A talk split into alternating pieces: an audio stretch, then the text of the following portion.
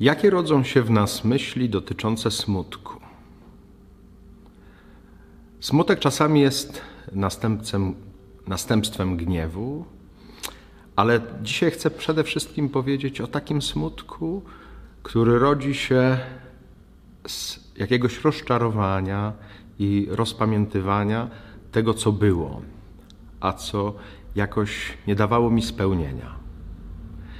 I ten smutek gdzieś będzie też dotyczył mojej przyszłości, ponieważ będę się spodziewał odruchowo, że tam też nic mnie nie spotka. To zaś powoduje, że tu i teraz, gdzie jestem, też pozostaję w smutku, bo nie mam żadnej nadziei i nie mam żadnej radości z tego, co mnie jeszcze czeka.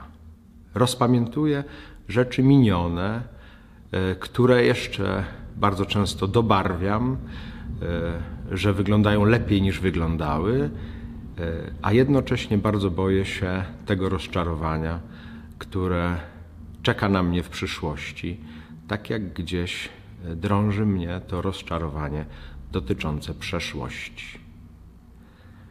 Czy takie myśli rodzą się w Twoim sercu? Czy takie myśli powodujące smutek, a tym samym bezowocność są też Twoim udziałem? Czy jednak walczysz z nimi i zwyciężasz?